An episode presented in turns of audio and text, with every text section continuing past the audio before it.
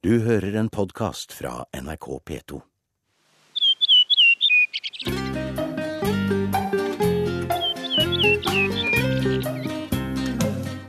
Jeg heter Kari Bremnes, og er sangskriver og artist. I denne timen i Sommer i P2 så skal jeg snakke og spille musikk. Blant annet skal jeg fortelle om en sommerforelskelse, en høyesterettsadvokat i Svolvær, et drap i Tbilisi, tvangstanker ved spising av iskrem, et forsøk på å forandre sitt eget blikk på livet, for ikke å si mitt.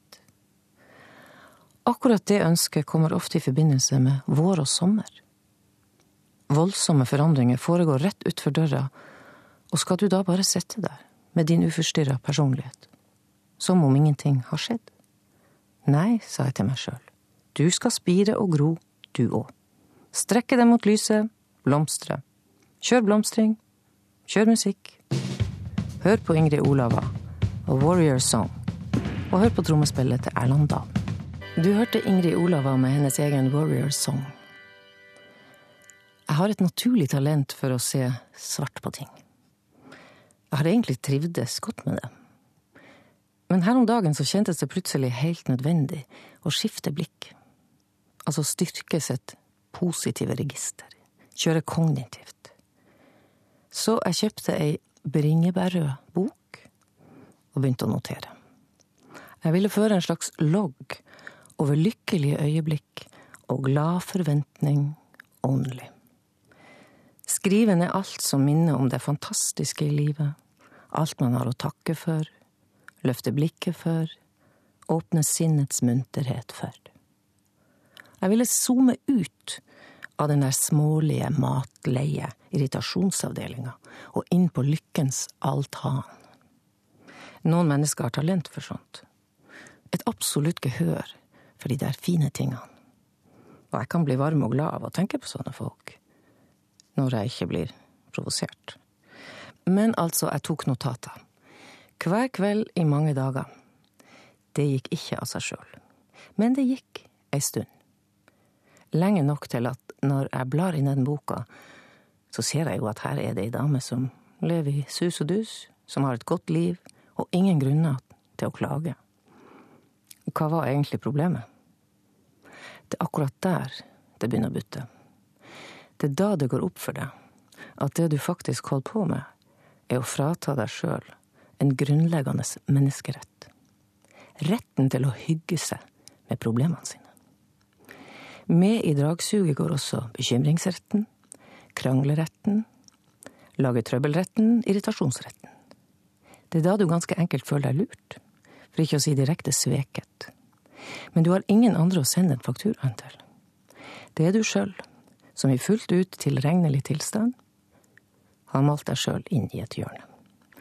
Og der sitter du med en omfattende dokumentasjon på at du faktisk ikke har hjemmel for å irritere deg over noe som helst. Jeg vil ikke anbefale min verste fiende å ta sånne notater. She's got everything she needs. She's an artist. She don't look back. She can take the night out of the daytime and paint the daytime black. Bob Dylan kan få det sagt. Og her er det Ane Brun som sier det for han. I sangen She Belongs To Me. Jeg snakka om å notere hyggelige ting i ei rødlita bok, og konsekvensene det fører med seg. Som tap av klagerett med mer. Men det merkeligste ved å bare skulle skrive om positive hendelser, er at det er så sykt kjedelig. Ingen dramaturgi, ingen katarsis, ingen vendepunkt. Det er som å drikke vann uten å være tørst. Det skjer jo ikke en dritt. Eller som å ta tran. Det er også sunt i det lange perspektivet, men du må ta deg ufattelig sammen i det korte. Og det er stort sett der jeg opererer.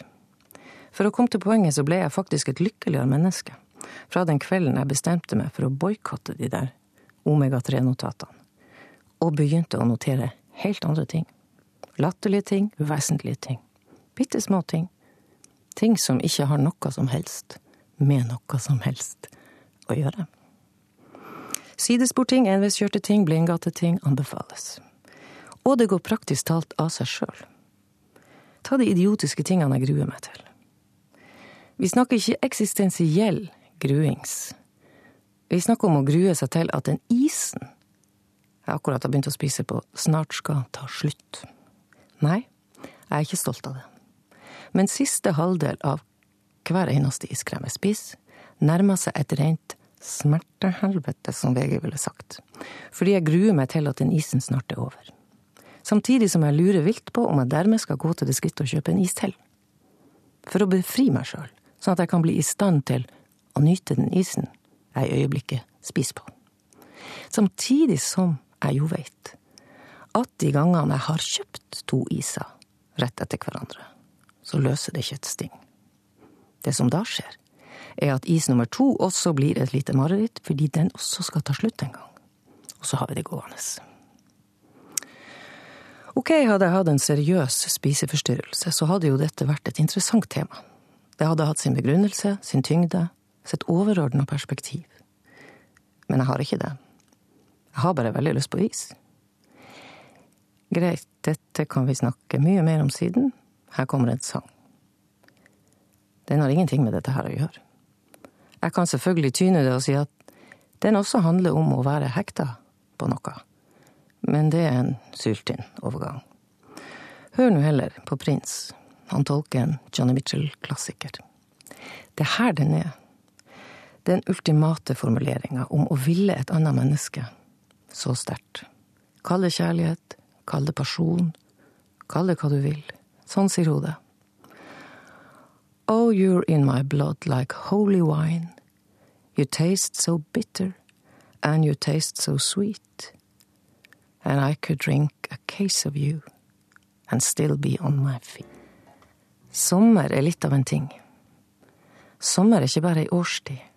Sommer er en luftmadrass, en drøm, et la-la-la på tunga, et smell i ganen, rabarbra med sukker, kom inn i varmen, et lettsinn, frisinn, lys håp, dører som åpnes, netter som synger, trær med strutteskjørt, småsei med nypotet og godt smør, og kanskje en liten akevitt. Jeg vet ikke noen andre ord som har flere liflige assosiasjoner enn det ordet, sommer. Kjærlighet, for eksempel, er jo mye mer betent som begrep. Vi tror at vi tror på kjærligheten, som en god kraft, ferdig snakka. Men strengt tatt er det vel den autoriserte, godkjente kjærligheten vi tror på. Den som tåler dagens lys. Nå er det ikke all kjærlighet som tåler dagens lys, men det kan være kjærlighet for det. Prins Charles og Camilla har elska hverandre i sikkert 40 år den kjærligheten var feil sort, vi var alle enige om det. Men nå er den kjærligheten i ferd med å bli rett. Det kan vi også sikkert snakke mye mer om. Men altså sommer. Jeg lurer på om det er lett å være sommer. Eller om det er krevende. Stort forventningspress. Krav til timing, fornyelse, klokke som skal stilles frem og tilbake, regionale hensyn grenseoppgang i forhold til vår høst. Det nærmeste jeg har kommet en sommer som sjøl tar ordet, det er en sommer som snakker svensk. Julenissen er islandsk, Jesus er palestiner, sommeren er svensk. Men greit, det den sommeren sier, er at han liker å være sommer. Den forteller om alt den kan gjøre i tre vers, ta bort sneen, få blomstene til å blomstre, kreere jordbær, gjøre alt mer somrikt. Og i siste halvdel så sier altså den sommeren. Og ja, gjør så roliga ställen, der barnen kan springe omkring. Da blir barna fulla med sommer, og bena blir fulla med spring. Sitat slutt. Astrid Lindgren. Her kommer sangen om hun Marit. Ei gammel dame som ikke lenger har beina fulle av spring men som veit det og veit og gjør det hun må for at våren skal komme. Det er min kjære storebror, han Olav Bremnes, som forteller om sin egen nabokjerring på denne måten her. Jeg hadde en sommer jeg aldri glemmer. Det var ikke bare beina som var fulle med spring, jeg var 15 år og skulle endelig på sommerferie til et sted det sto om i bøkene at sommeren faktisk befant seg. Vi skulle til Tjøme. De andre somrene reiste vi feil vei. Fra Svolvær i Lofoten i Nordland til Kvæfjord i Troms. Nordover, altså.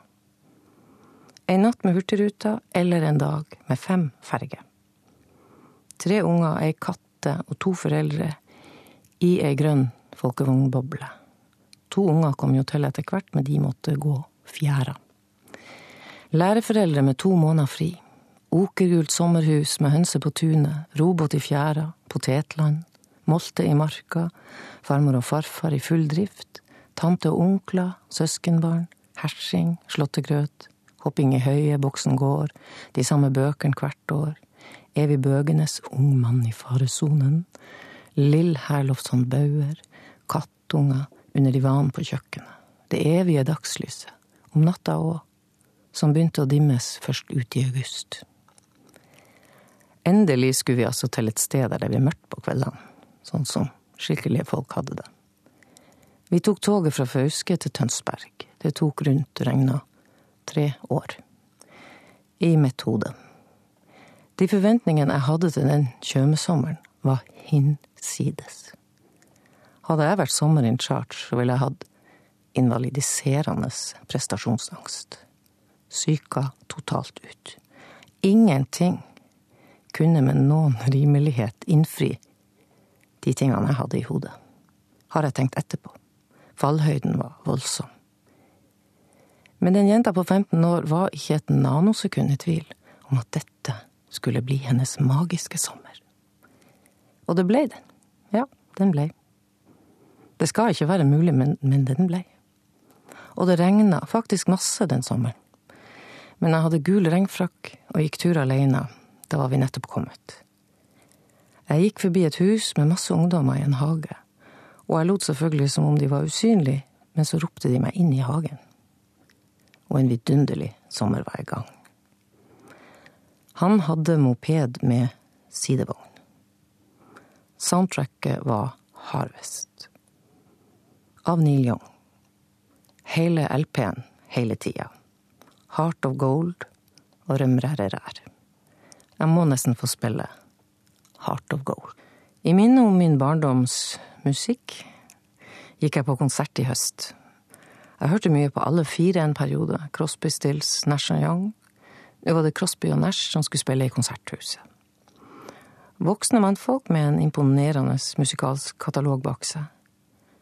Men konserten ble underlig. De spilte og sang akkurat passe greit, og de anstrengte seg ikke mye for å få kontakt med salen. Sånt kan jo skje den beste, at man ikke får den kontakten hver gang. Men her virka det ikke som de la merke til om de hadde den kontakten eller ikke. De snakka lite, men utprega maskulint. Crosby sa at det sto elendig til i USA for tida. Bare dritt alt sammen. Om det var like mye dritt her? Ja Neste sang. Så sa Nash at de hadde reist så mye at de ikke helt huska hva slags land de var i. Neste sang, det var i store trekk det hele. I to timer. Men den konserten ble tatt opp og kunne kjøpes ved utgangen etterpå. Ferdig miksa og mastra. Jeg kjøpte ikke den. Jeg vil ha dere til å høre en helt spesiell sak fra en helt annen livekonsert. Gunnar Bull Gundersen kunne også få sagt ting på en maskulin måte. Jeg vokste opp med denne plata. Den ble særlig spilt godt ut på natta, ganske høyt, og da måtte alle være helt stille. Han som satte den på, var naboen vår, Hans Johan Bjørnstad. En høyesterettsadvokat fra Stensgaten i Oslo, som kom til Svolvær og blei der til sine dagers ende, sammen med Asbjørg fra Vestvågøy. Begge de to har betydd enormt mye for meg. Huset deres var bygd med tanke på å ha bokhylle på alle veggene, fra gulv til tak. Flere steder sto de dobbelt. Og han Hans Juan, som kona kalte han, visste akkurat hvor hver enkelt bok sto, og hva som sto i den. Han hadde gud hjelpe meg lest dem alle, og gjerne flere ganger, litteratur var hans store pasjon. Det var han som kom til meg med Cora Sandel, med nordnorske skillingsviser, med Sten Stensen Blikker, med Karen Blixen, Johan Borgen, han skrev også sjøl. Johan Borgen kalte Bjørnstad for Norges største satiriker. Han hadde et alvor og et dannelsesnivå, og en forakt for autoriteter, et totalt fravær av snobberi og en vill sans for humor. Jeg sitter og forteller om han Hans Johan Bjørnstads Volver. Et sandkorn på livets badestrand, fordi han lærte meg et par ting. Det ene er at du aldri skal begynne å fortelle historier med å si at nå skal du fortelle en fantastisk historie. Det skal folk få finne ut sjøl. Og han lærte meg noe om hva et menneske kan bety for et annet. Og ikke bare for ett, men for en hel småby.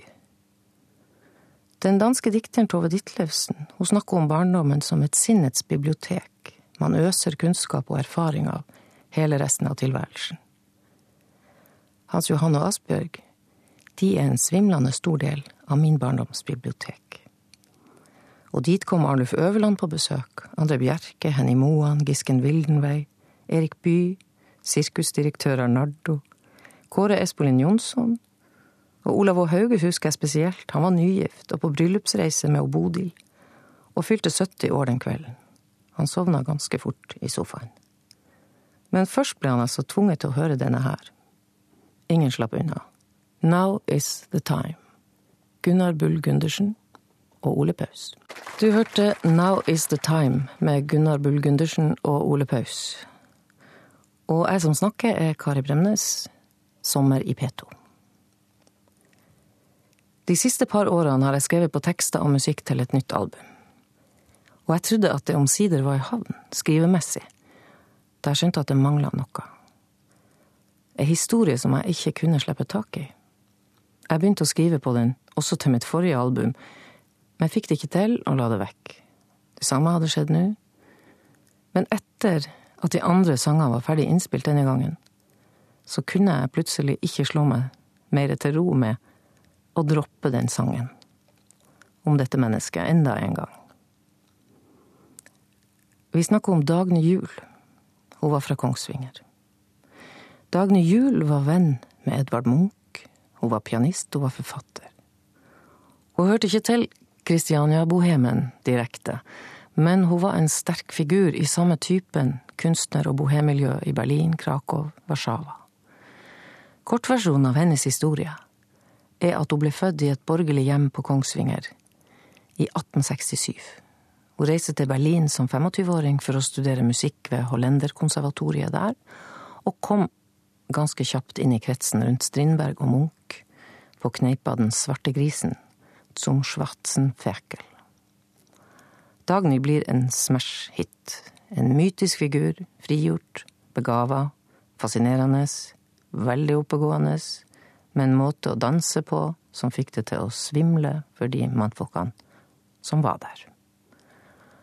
Der traff hun den intense polakken Stanislav Prybisevskij.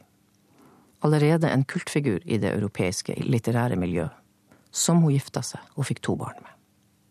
Han var geniforklart forfatter. Han var også satanist og alkoholiker, og ikke helt pålitelig. Disse er lutfattige som par, og har i lange perioder ikke noe eget hjem. Ungene er mye hos besteforeldrene i Norge. Dagny og Stach, som han kalles, flakker en del rundt i Europa. En aprildag i 1901 går det et tog fra Warszawa i retning Russland. Dagny Juel er om bord, sønnen hennes Zenon, på fem år, og en russisk-polsk fyrste ved navn Emryk. De skal til Deblisi i Georgia. Emmeryk er rik og har invitert familien med. Men ektemannen Stach bakker ut på perrongen i Warszawa, sier han skal komme etter. Han kommer aldri. Han skal også ettersende passene til Dagny og Zenon, men de passene kommer heller aldri. Emeryk, som hun reiser med, er mentalt ustabil, for å si det mildt. Men Dagny og Zenon er totalt overlatt til han. Uten pass kommer de seg ingen andre steds. Den reisen tar tre uker. I midten av mai så tar de inn på Grand Hotel Tbilisi. Den 5. juni kommer Emerik inn på Dagny Juel sitt rom, føyser ut gutten på fem år og skyter Dagny i hodet. Så skyter han seg sjøl. Dagny begraves den 18. juni på sin 34-årsdag i Tiblisi. Du hørte White Foxes med Susanne Sundfør. Jeg blir shaky hver gang jeg tenker på historien om Dagny Juel. Og jeg veit hvorfor den ikke slipper taket. Det er kontrastene i den. Som i et eventyr av brødrene Grim. Altså, her ligger alt til rette for et liv på sølvfat. Og så gjøres noen valg underveis som blir fatale. Det er ikke nok å si at Stanislav var en drittsekk. Det er for enkelt, dessverre. Han var visst ikke bare en drittsekk heller. Han var sammensatt. Og det var hun også. Og han hadde noe ved seg som hun ble aldeles hekta på. Og som hun ha møtt noe djupt i hun sjøl. Uansett hvor godt hun var oppdratt hjemme i Kongsvinger. Begge var lysende begava, med en stor vennekrets. Veien lå åpen. Hun hadde en familie som støtta henne, som tok godt imot svigersønnen, som passa ungene deres i månedsvis i Kongsvinger, mens de farta rundt i Sentral-Europa og skrev, spilte musikk, festa, diskuterte og prøvde å skaffe seg noe å leve av. Og når det begynte å bli for stygt mellom dem, så klarte ikke hun å gi han opp. En del av historien er også at han hadde tre barn med ei annen. Det ene ble født etter at Dagny og Stach gifta seg. Og en vakker dag så tok denne ulykkelige alenemora livet av seg. Stach ble anklaga for mord, men etter hvert frikjent. Den historien la seg som en skygge over det forholdet. Ganske få år etter så satte Mr. Prybisevskij i gang med å innlede et forhold til to andre kvinner samtidig. Det var også sagt at Dagny tok seg en og annen elsker, det gikk altså nedover med det hotteste avantgardistparet i Sentral-Europa. Etter at Dagny var drept, brant mora alle brevene hennes og oppfordra alle andre til å gjøre det samme. Brevene til Stach finnes, de han skrev, men han var en anerkjent løgner og danderte tingene så han kom litt penere ut av ting. Men han reiste ikke sjøl og henta sin fem år gamle sønn i Tiblisi. Han hadde folk til slikt. Og den lille datteren Iva hadde ikke sett sin mor på ett år da mora døde. Hun bodde hos en av farens elskerinner. Dagny Juel. Å være så sterk og selvstendig og så begava, og bli så til de grader et offer. Den problemstillinga er jo gammel, men den er fremdeles ferskvare. Hun skrev flere dikt og skuespill, blant annet en samling prosadikt under tittelen Sing mir das Lied vom Leben und vom Tode. Syng meg den sangen om livet og døden. Dette ble trykt i et polsk litterært tidsskrift, og i samtiden. Skuespillet Synden skulle settes opp i Praha, men det ble med en opplesning av det. Jeg skulle gjerne spilt min sang om Dagny her, for jeg fikk faktisk ferdig en sang til slutt, men den er ikke ute av miksebordet ennå. Så jeg vil spille en av de stykkene som hun Dagny Juel antagelig spilte sjøl, for hun elsker å spille Grieg. Her er et av hans lyriske stykker, Sommerfuglen. Den spiller min mamma fremdeles.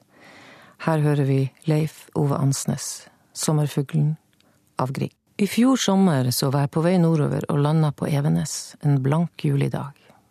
Det var ikke varmt, men det var sol, og marka var saftig grønn, og himmelen latterlig lyseblå. Det er den dagen. Men det veit jeg ingenting om enda. Flyet gikk fra Gardermoen ti på fire. Jeg sitter på flybussen inn mot Harstad, slår på telefonen, der meldingen tikker inn. Den første kommer fra broren min, han Lars. Han lurer på om ungene mine har det bra etter bomba i regjeringskvartalet. Det har de. Jeg får på radioen på mobilen, og jeg hører noe vagt om Utøya. Der er jo Julie på leir. Lars si datter. På 16 år. Jeg kommer frem, og der går han Lars og Marianne frem og tilbake på veien og snakker i telefon. Vi gjør et forsøk på å drikke kaffe, men det går dårlig. Det har bredd seg en uhyggelig rastløshet over hele gården. En krypende følelse av angst. Hva skjer? Så kommer telefonen fra Julie.